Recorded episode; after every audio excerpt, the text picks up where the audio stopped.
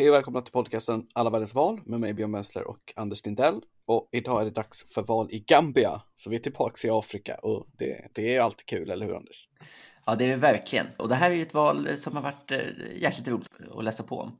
Det är eh, presidentval i Gambia, så att man väljer bara presidenten. Men det är inte så bara. Det är ett historiskt val på så vis att det är väl första gången på väldigt, väldigt länge som de kan ha liksom någon slags eh, fredlig överlämnande av, eh, av makt i det här landet som, precis som ganska många afrikanska länder vi har varit i, liksom väldigt nyligen på något sätt slogs in på en mer demokratisk bana. Ja, det är ju en liten blindtarm det här. Som, för de som inte vet så, så ligger ju landet med gräns enbart till Senegal de, de ligger som eh, liksom smetat runt Gambia-floden som går in. Och jag tror att det var så att, landet till och med definierades av att britterna skulle ha rätt till den där floden och då skar man ut liksom en, två små landtungor på varsin sida om floden för att de just skulle få floden. Typ så är det. Det är 11 000 kvadratkilometer stort och det är som bredast 50 kilometer. Oh. Vilket ju är jättesmalt för ett land. Oh på båda sidor en flod. Då. Det bor strax under två miljoner där och jag känner så att det här är ett av de roligaste valen i år tror jag. Eller i alla ja. fall som känns som har ja, men den mest spännande dynamiken i sig. Och eh, vi ska göra vårt bästa för att förklara varför de kommande 20 minuterna. Eh, så vad har vi då på Gambias politiska system? Jo, eh, men det är ju uppenbarligen en republik då, som man väljer president. Presidenten väljs på fem år med eh, ja, ett ganska clear cut first past the post system, men bara en omgång. Så att det, vad jag förstår så, så kan man inte, kan det inte bli en andra valomgång här, utan flest röster vinner. Det blev inte det sist i alla fall. Jag kan inte. Nej, nej men jag tror att det, det är så det ska, ska funka.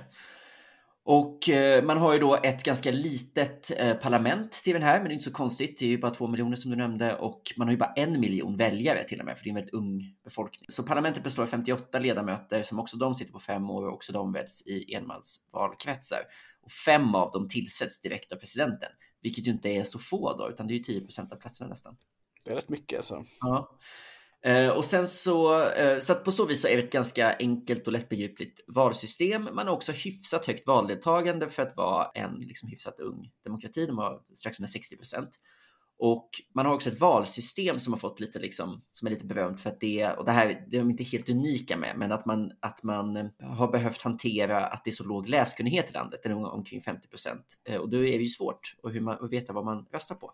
Så att istället så är det ett helt liksom, eh, bokstavslöst valsystem där urnorna är um, det som avgör vilket parti man röstar på. Så att alltså partierna har varsin färg och så är urnorna målade i de färgerna och så stoppar man ner en glaskula i den urnan man vill rösta på. Så det är ett annat val, valsystem på det sättet, det praktiska. Ja, men det känns old school på något sätt.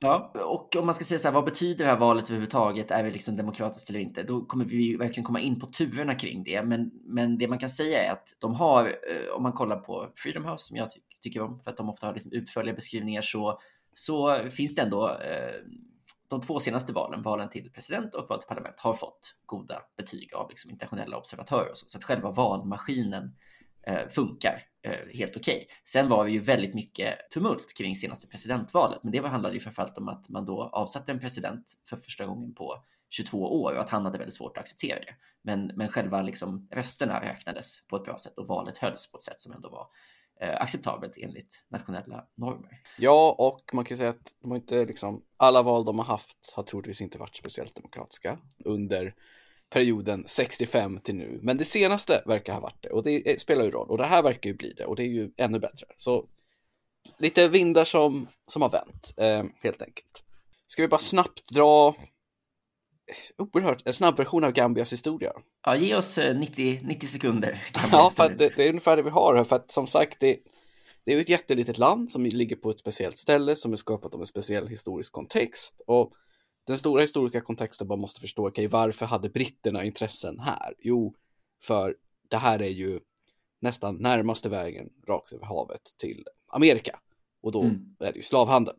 Så det skeppades miljoner slavar från Gambia till Amerika under britternas tid. De flesta slavar då är då insamlade av andra afrikaner på kontinenten då, men sen liksom sht, skickade över av britterna i den här vansinniga människohandeln. Så det var det ekonomiska intresset för Gambia och när slavhandeln försvann så tappade ju Gambia i intresse, men de nuvarande gränserna fastställdes i alla fall ihop med Frankrike 1889. Och precis som så många andra länder i Afrika så tog eh, självständighetsrörelsen fart efter andra världskriget och man blir formellt självständiga 1965 som en del av the Commonwealth då med Australien och grabbarna. Mm. Med Elisabeth II som statschef. Och direkt försökte man bli av med henne också. Så man hade två stycken omröstningar för att bli republik. Den första gick inte igenom, den andra gick igenom. Och sen har man också lämnat the Commonwealth senare och nu har man, försöker man gå med i the Commonwealth Ja. igen. Så att eh, relationen till kolonialmakten är, är, den är fram och tillbaks verkar det. Det känns som, är de de enda vi har hört som har velat gå med i the Commonwealth igen? Jag, jag tror att det finns länder som har gått, velat gå med också från början. Det är, inte, det, det, det är lite luddigt det där. Men, ehm, men ja, verkligen. Tråkigt i alla fall. Och 1970 så blir man, får man sin första president och han är då en av tre personer som har suttit på den här platsen så det går ganska lätt att rabbla. Mm. Och han heter i alla fall Davda Javara och han blev omvald fem gånger som president. Lite så här halvdemokratiskt under den tiden som jag ändå har förstått det. Det har varit val och så, men nja på hur. Man använder väl statsapparaten för att motarbeta andra att utmana på riktigt. Ett kuppförsök åkte han på när han var i London 1981. Men då in, intervenerade Senegal och liksom helt enkelt återställde ordningen så att han kunde återvända. Och då skulle man till och med liksom göra en Senegal-Gambia-konfederation och integrera ekonomierna och så, men det drog sig Gambia ur sen. Eh, 1994 så gjordes kupp nummer två, där en man som hette Yahya Jammeh tog makten. Mm. Och han var bara 29 år då, men han har sedan styrt Gambia fram till 2016, när han förlorade och eh, blev liksom av med presidentmakten. Han bidrog även till en ny konstruktion som skrevs och blev vald till president 2001. Men hans styre har ju präglat av förvisso val, men också väldigt mycket förtryck och väldigt mycket våld och mycket, väldigt mycket godtycklighet och eh, hans eftermäle är väldigt kontroversiellt i Gambia. Mm. Och väldigt betydelsefullt fortfarande i, i Ja, inrikespolitiken. Det har bildat, liksom anklagats för sexuella övergrepp och eh, våld och tortyr och allt möjligt. De har ju liksom dragit ihop en så här commission nu för att undersöka vad som hände och grejer. Och under hans styre så, han var ju liksom galen på vissa sätt enligt då. Så i en artikel som jag läste i The Economist så började den artikeln med att beskriva hur Jammeh deklarerar för befolkningen hur han har liksom ett nytt botemedel mot aids fixat. Ja. Och Ja, då- nej, men han, eh, Och då kommer folk till den här kliniken och han står liksom och behandlar människorna genom att smita sig själv liksom. Med att smörja in dem med en salva i ansiktet. Och bara, folk börjar ju bara dö för att det här är ju inte en aids-behandling alls. nej, det finns lite, det finns en, en hel del där, där han inte framstår som den, eh, den bästa ledaren. Men eh, han var då i valet 2016 då mot en helt okänd man som heter Adama Barrow som är ju Ja. sittande president nu då. Genom att alla oppositionspartier går ihop och bildar en coalition och där han som borde ha rätten hamnar i fängelse. Vi ska gå in på vem det är. Och då hamnar Abada Barrow som etta här, helt okänd och vinner. Då kan vi då lägga att Adama Barrow vinner och då blir det lite stök för först accepterar Jammeh valresultatet. Men sen säger han att han inte gör det och då tvingas ju Barrow lämna landet för att det är inte säkert för honom. Och då vill Jammeh göra ett nytt omval som han då vill rigga. Men då intervenerar grannländerna igen. Väldigt mycket grannländer som Ja, det, man känner att Senegal måste, alltså Senegal är ju verkligen storebror till Gambia. Ja. Att det var liksom att de fick på något sätt vara så här, men nu får vi faktiskt avgå för det här valet har skett. Så att man liksom, man hotade med. Och med då våld. drar Jammeh till med sina Rolls Royce, sina fruar och 13 miljoner dollar i cash enligt rykten till en vänligt inställd kollega i Guinea-Bissau och bor där nu Ja. Som ex-president som är liksom på jakt för det. äh, Han är ju liksom eftersökt för diverse brott mot mänskligheten. Och eh, inte oviktigt är då att i det senaste valet så fick han då 40% och Barrow 43. Mm. Eh, så att det var ganska jämnt och Barrow lovade efter valet, eller inför valet 16, att om han vann så skulle han lämna efter tre år och organisera, då organisera ett nytt fritt val som han själv inte deltog i. Det har ju då inte hänt. Nej, utan istället vid tidpunkten för att, att han skulle lämna så valde han istället att lämna partiet som hade valt honom eh, och starta ett nytt parti som heter typ The National People's Party som då liksom verkligen bara är eh, Barrows fordon för att ta sig till presidentmakten en gång till. Så att eh, det tog en annan vändning i relation till eh, den demokratiska oppositionen i, eh, i Gambia. Det är tydligt så här i efterhand att de som vann valet 2016 trodde inte att de skulle vinna valet 2016. Mm. Det var ingen som trodde. De var ju bara enade i att de var emot Jame. Ja, Det, det fanns ju ingen annan liksom politisk samsyn. Och, och det visar då hur det har splittrats upp lite efter här. För Adama Barrow är kandidat, hans president är MPP, det är hans parti. Inte så Mm. mycket att diskutera om. Men vilka är då hans motståndare, Anders?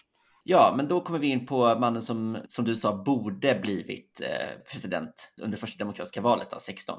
Och det är ju Ousseynou Darboe från ett parti som heter UDP. Det är liksom ett oppositionsparti som har funnits länge och liksom de som var den huvudsakliga oppositionen som valde. Det är United Democratic Party, va? Nej, exakt. Just det. Men det var ju liksom de som, de som var maskinen bakom att Barrow vann och det var för att Darboe satt i, satt i fängelse. Ja, han är ju liksom den riktiga... Vi har pratat om, eh, ja exakt, vi pratat om att det alltid finns en gubbe i de här eh, liksom lite utmanande demokratierna som har liksom envist kört på. Och i, i Gambia så är det Darboe. Han har liksom kandiderat om det är fem eller sex val i rad. 2001, 2006, 2011. Han har kört hur många gånger som helst. Ja, och, och, liksom, eh, och varit en, en polisfigur sedan sedan 90-talet. Eh, och är nu 73 år och har liksom för första gången kanske, för första gången får han ställa upp i ett val där han inte sitter i fängelse och där det eh, finns en chans att rösterna faktiskt räknas ordentligt. Ja, och men då möter han då inte Jame som är huvudfienden, utan någon jävla nobody som han undlät sig köra i hans ställe 2016. Precis, så att det måste vara med stor bitterhet för att, för att han är ju från början liksom människorättsjurist eh, och har väl, har väl varit liksom verkligen en av de tydligaste liksom ideologiskt drivna demokraterna i Gambia. Så att, eh, Ja, men Det måste vara, måste vara spännande för att han har också varit vicepresident i nuvarande regering och Ja. utrikesminister. Men det måste ändå vara spännande liksom så här, nu ska jag vara nummer två här ja, till den här stubben. Det är ju jag som är den egentliga oppositionella kraften här. ja, det måste vara varit en sån. En sån Så de har ju då haft ett fallout utan dess like förstås och UDP har då inget stöd för Barrow längre. Nej, så, att, så att det, är, det är väl de två liksom tydliga motkandidaterna. Det är som så här varsin gren av demokratirörelsen för fem år sedan. Då. Sen finns det en, en annan, det, det finns ju, man ska säga att det finns totalt sex kandidater, men, men de är väl olika, har väl olika chans att vinna. Den, den andra mest spännande är ju här Mama Kande från Gambia Democratic Congress. Det är ett parti som, vunn, eh, som eh, grundades inför valet 16 och som han kom ju trea så att han fick väl, vad fick han 16 procent 17. Och han har väl bildat sitt eget parti också va? Ja, och, och han har liksom en, en liksom lite luddig position höger-vänster-mässigt och det är också liksom, verkar vara ganska mycket en, en, en one-man show som du, som du var inne på. Men det som är intressant här, om, man, om, man, om vi säger att vi har de här tre huvudkandidaterna ändå, Barrow, Darbo och eh, Kande. Då var det ju så att tidigare i eh, höstas så meddelade ju eh, Barrows parti att de hade gjort en allians med Jammes gamla parti som heter Alliance for Patriotic Reorientation and Construction. Eh, så att, och, och det var ju en stor chock eftersom ja, men det här är de två stora huvudfienderna i förra valet. Hur kan de ha någon slags allians? Och det har varit jättemycket spekulationer. Betyder det att Barrow är beredd att ge Jamme någon slags exil? eh, mot att han också får lite röster, för Jamme är ju fortfarande, det finns ju fortfarande folk som gillar honom i landet. Men därför, Som jag, därför, som jag förstod det också blev det här beslutet kortlivat. Ja. Då det var kontroversiellt och Barrow då tog avstånd från beslutet och sa att han inte hade varit involverad i det. Vilket ju är superintressant i ett parti som du har grundat själv. Att den här typen av megastrategiska beslut inte konsulteras med personen i fråga. Och det är också så här, om man spenderar två minuter på MPPs hemsida så är man väldigt förvånad om det finns någonting som han inte är involverad i. Jag såg på, om, man, om man klickar på fliken eh, liksom, om partiet så är det bara ett brev från Barrow till folket. Så han tappar, tackar för deras stöd. Alltså det här är inte ett parti som gör en, en jätteseriös ansats att försöka vara något annat än hans maskin. Nej, hur han, som helst. han skulle ju bara köra tre år, men eh, jag, jag var tvungen att kopiera in här eh, från hans acceptionstal när han Ja. liksom accepterade kandidaturen till, Mm. till det här. Då, då sa han så här, och det här är ju, det här är en man med, med gott självförtroende kan vi då säga, för så här Mm. låter det. I am convinced that impressing me to form a political party to participate in the 2021 presidential election. The Gambian people took stock of my performance and called me to lead this historic journey. Mm. Mm. Det är ju low key liksom. Ja, liksom han ville egentligen inte, Nej. men folket tvingar honom att ställa upp nu. Liksom. Det är så här, Ja. han är egentligen gisslan för folkopinionen. Ja, men eh, så att, så att många har varit oroade. Vad betyder då att de här, alltså att han, Barrow, är inne här på någon slags liksom lite som i Benin, kommer ihåg Patrice Talon som gjorde exakt samma sak. Så här, jag ska köra en gång, jag är en transition-kandidat bara och sen bara fortsätter det. Det har gjort folk oroliga. Men det där verkar han ha ändrat sig om, eller så var han inte inblandad på riktigt. Eller så var det bara en flört med väljarna där och så här, kom till mig liksom. Han, han behöver ju bygga en ny koalition eftersom Ja, UDP precis. kom ju in, han måste ju få rösterna någonstans ifrån Barrow. Ja, men det som istället har hänt då med, med eh, Jamme är ju att han istället har gått ut och endorsat den här Mamma Kande. Ja, det har jag nog Eh, sett. Och Mamma Kande verkar inte tycka det är jobbigt alls, utan han liksom spelar Jamme, alltså ur högtalarna, på sina valmöten. och Jamme uttalar sig i, i, liksom, med ordet oss om, om Kande. Så han säger så, om ni röstar på oss så kommer alla mina löften till er att, att införlivas. Och så, där. så att han har gått liksom, ja, han har snabbt allierat sig med två av tre olika kandidater. Och han allierar sig i alla fall inte med Darboe. Så det, det är ju det förbjudna egentligen. Även fast han har lämnat och sitter och driver politik från utlandet och är liksom en persona non grata i hela världen så ska han fan Mm. försöka sänka den gamla ärkefienden. Ja, ja precis. Det, det vill han verkligen. Eh, sen tycker jag man kan nämna att det, för det är inte helt vanligt i eh, de afrikanska länderna att det finns ett renodlat socialistparti och det finns där också. PDOIS, People's Democratic Organization for Independence and Socialism, eh, som leds av en man som heter Halifa Saleh och som inte är skitlitet. De fick eh, nästan 10 procent i förra parlamentvalet och de har också, var också partiet där typ en jättekänd så här feministisk aktivist som heter Ja- Yaha Dukure Eh, hon kandiderade i deras primärval men förlorade då mot den här, den här Salla. Så att det är nog ett parti som kanske är lite på, alltså det är nog inte jätteförvånande om de får 10% i presidentvalet också, ändå en, någon slags kraft här. Liksom.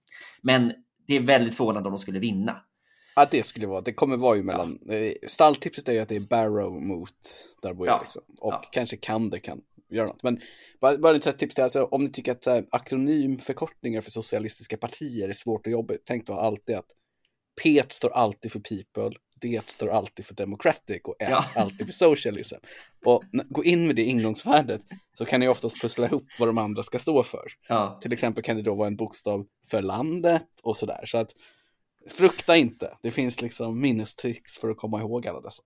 ja väldigt bra mall. Eh, och sen finns det två, två oberoende kandidater också som vi kanske ska nämna. Och en är ju eh, cool där, eller? Det är väl Essa Fall?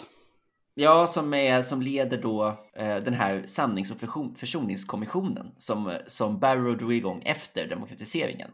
Eh, det har gjorts i många länder. Den här, den här är modellerat på liksom den sydafrikanska modellen där man, liksom, man har ett nationellt trauma och så går man igenom det ordentligt med typ ett gäng Eh, jurister som, som både definierar vad som har hänt och föreslår åtgärder för att man liksom ska kunna gå vidare.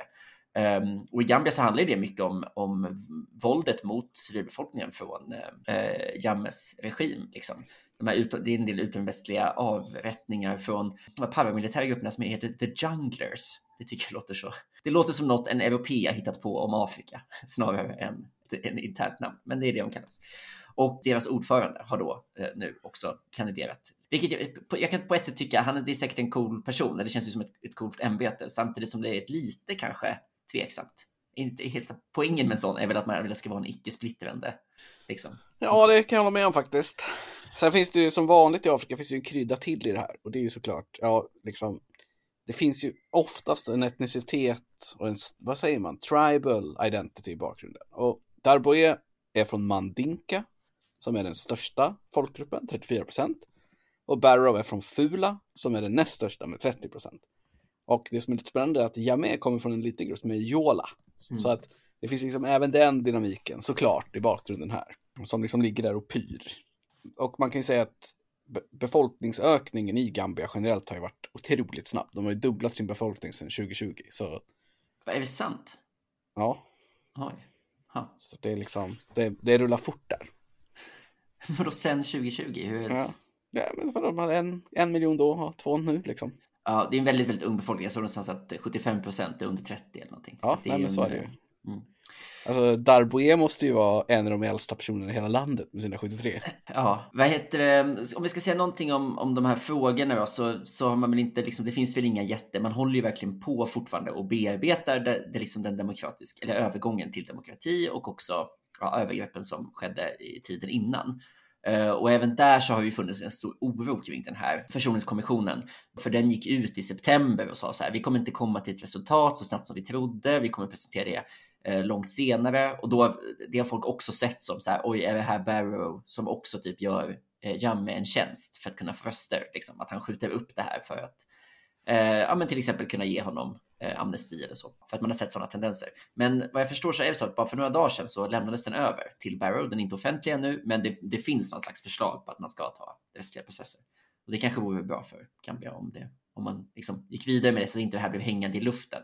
För som sagt, under, under tiden där man har blivit mer och mer oroad över Barrows intentioner så har man ju då också blivit mindre och mindre imponerad över att han tillsätter den här kommissionen. För att så här, om han inte är demokrat heller, då betyder det ju ingenting att han vill utmåla sin företrädare som antidemokrat och sådär.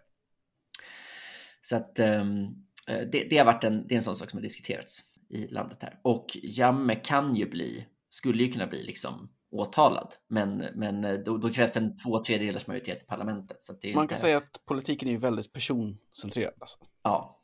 Det är liksom mer det än några speciella idéer.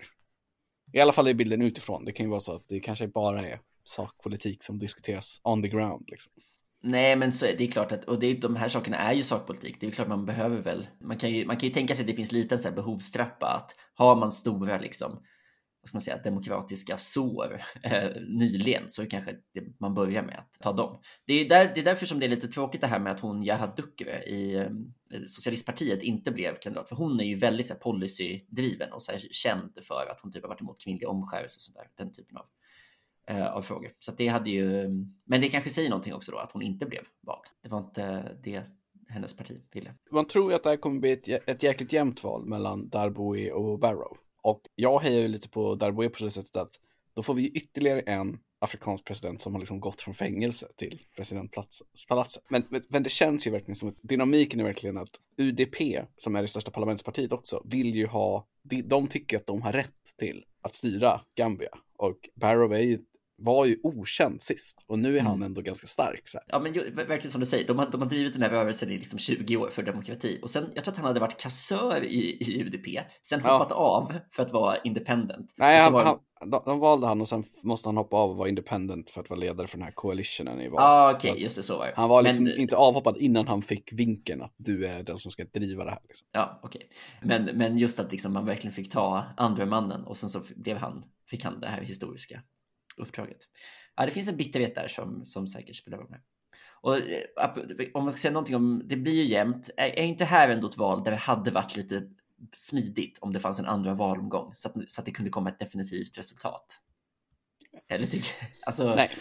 nej, nej du, du, du tycker alltid det ska vara bara. Jag tycker det är bra. Nej, men det kommer bli intressant att se och, Barrow har ju verkligen lovat att det här är ett demokratiskt val. Han kommer inte och så vidare och så vidare. Och det, det, skulle ju vara intressant för Gambia om det blev maktskifte igen och att det verkligen blev det och att det liksom, då känns det som att saker rullar på.